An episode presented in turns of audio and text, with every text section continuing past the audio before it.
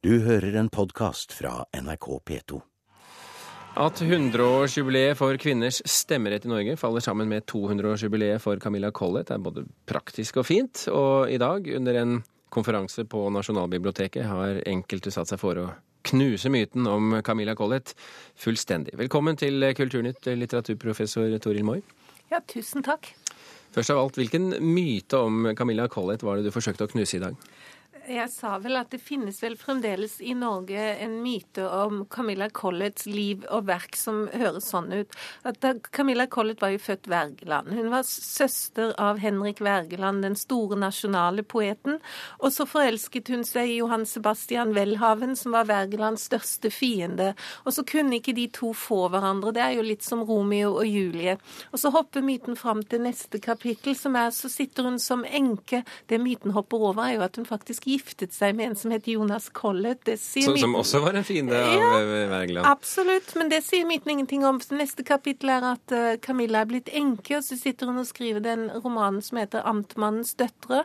Og den oppfatter myten som en sånn selvbiografisk utgytelse av kjærlighetssorg og skuffelse og savn. Så myten tror at det er Camilla som skriver om Romeo og Julie-historien sin. Og så sier myten slutt og farvel.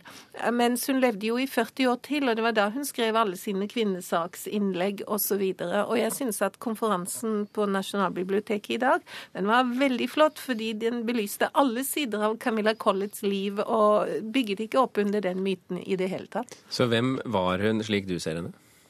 Jeg syns jo at hun var en For meg så står hun som en veldig ensom kvinne som var veldig modig, for hun var en stor pioner. Skrev en roman som ikke lignet på noen andre norske romaner, mange år før alle andre begynte å skrive mer eller mindre realistiske romaner. Det er vårt, vårt lands første borgerlige roman, skrevet av en kvinne. Det er jo helt utrolig. Men hun hadde ingen som på en måte gjorde det samme, eller Hun står helt for seg sjøl. Jeg tror hun følte seg nokså ensom og deprimert, men det betyr bare at hun hadde enda mer mot og kraft til å stå på. Hun ga aldri opp. Toril Steinfeld, du er jo nå ute med en revidert utgave av denne biografien din om Camilla Collett, eh, ungdom og ekteskap. Eh, som vel kanskje var den første i myteknuserens ærend, vil du si det? Jeg har vært opptatt av henne i en europeisk kontekst. Jeg syns vi har plassert henne altfor mye i norsk sammenheng. Vi har brukt henne til å flette noen linjer i litteraturhistorien. Vi trenger henne sant, mellom Wergeland og Welhaven, og, og, man trenger anekdoter og gode fortellinger. Eh, hun var språkmektig, hun var belest, hun hadde veldig gode kontakter ute i Europa. Og hun er Altså, jeg er enig med Tore som sier at hun på mange måter sto alene, men samtidig inngår hun i en tradisjon av europeiske forfatterinner som bruker underholdningsromanen til å diskutere samfunnsspørsmål, og særlig selvfølgelig dette med kvinnen og holdning til kvinnen, og kvinnens egen selvforakt, som vi er jo opptatt av. Vi er jo i god gang med stemmerettsåret nå, 100 år siden norske kvinner fikk eh, stemmerett. Hvor viktig var Og hun levde jo da, som man forstår, eh, noe før dette. Hvor viktig var hun for kvinnekampen i sin tid? Altså, hun debuterte med et essay som het 'Strikketøybetraktninger'. Og da var det en kritiker som gikk ut med en gang og sa at hun vil ha kvinnelige stortingsrepresentanter. Eh, og det, så han luktet jo med en gang.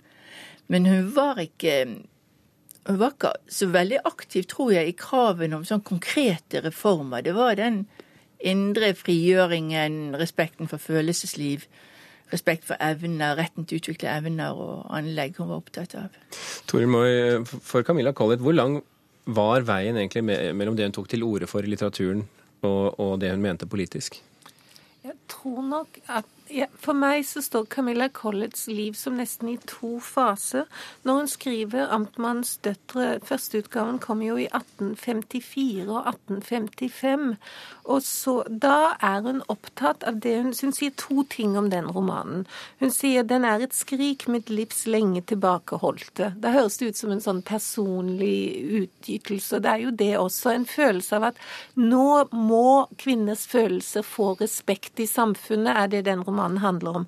Men så sier hun samtidig, og det sier hun mye senere, at denne romanen er et bidrag til det fedrelandske kvinnehjertets historie.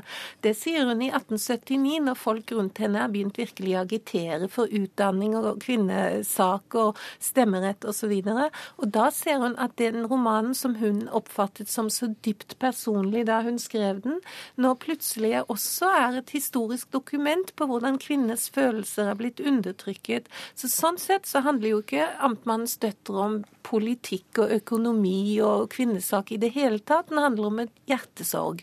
Men hun viser at det finnes et helt samfunnssystem som gjør at kvinners hjertesorg ikke engang kan uttrykkes. Den får ikke respekt i det hele tatt. Så det går en linje fra det å ikke kunne snakke om sine følelser, til det å ikke kunne ha en stemme i politikken.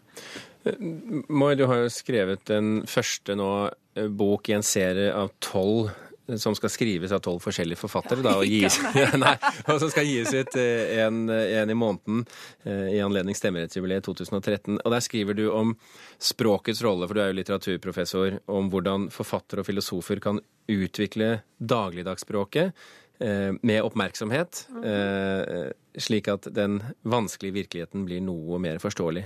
Og i det perspektivet, hvor viktig var Camilla, Camilla Collett for stemmeretten? Det er jeg tror at Camilla Collett Nå tenker jeg spesielt på det hun gjorde i 'Amtmannens døtre'. Der setter hun navn på et problem som har med kvinners følelsesmessige frihet å gjøre. Hun skaper et rom for debatt omkring ekteskapet og forholdet mellom kvinner og menn, som mange kvinner med det samme begynte å lese dette. og De var jo helt sånn Tenk at noen kan sette ord på dette. Det er det samme som kvinnebevegelsen gjorde på 70-tallet. At da begynte de å sette ord på privat private erfaringer som ingen hadde trodd var politiske før. Sånn at Camilla Collett bidrar til å gjøre noen ting politiske, nemlig spørsmål omkring kjærlighet og ekteskap, som folk ikke trodde var politiske før det. Så, og, så det gjør i midt på 50-tallet. Men senere, når hun begynner å skrive masse essays og sånn, så agiterer hun jo mye mer direkte for kvinners rettigheter. Men Toril har jo helt rett i at hun er ikke en som skriver masse om stemmeretten og sånn. Det er mye mer vi må få friheten til å uttrykke oss og utvikle alle våre evner, er ikke det? Du kan jo si mer om det. Jo, og så sitter jeg og tenker på Hun blir beskyldt for at hun egentlig var opptatt av sånn fransk konversasjon. Uh, og det var hun i og for seg. Hun kaller det sjelsgymnastikk. Hun vil ha et samliv og et selskapsliv hvor menn og kvinner omgås og diskuterer og utveksler ideer. Og det inngår en ganske lang diskusjon i Norge. Altså Norge hadde jo et selskapsliv hvor menn spiste og drakk. Eh, og det går en diskusjon fra 1800 og fremover at skal vi bygge kultur i dette landet, så må vi få sammenhenger hvor menn og kvinner kommer sammen og snakker. Og Det var jo sjokk for nordmenn i 1814 når svenskene kom, for de ville ha et blandet selskapsliv. Og på en måte skriver hun seg litt inn i den diskusjonen. Altså Både når hun skriver, så er hun veldig sånn muntlig, på en måte konverserende eh, når hun skriver essay, og samtidig så er det en idé hos henne at, at for samfunnsbygging så må man eh, ha en idéutveksling. Du, du, har jo skrevet uh, om Camilla Collett i, i, lang tid, og forsket på henne i lang tid. Uh, når du nå er i et slags tospann med, med Toril Moi for anledning, hva tenker du om hennes bidrag om dette med spørsmålet om det språklige elementet her, og, og overgangen til politikken? Tenker jeg litt en annen vei. Altså, det var veldig interessant å høre Toril Mois forelesning i dag om Amtmanns døtre, som gikk på det med stumhet og tale og skammen som knytter seg til det. Det syns jeg var en, en, helt ny analyse du egentlig ga. Og den, den åpner jo vi må tenke politikk litt bredere. sant? Vi har en tendens til å tenke politikk litt for smalt, tror jeg. I neste reviderte utgave så kan du ta det med. Ja, sant. Ja. Eh, Toril Steinfeld og Toril Moe, tusen hjertelig takk for at dere kom til Kulturnytt. Du har hørt en podkast fra NRK P2.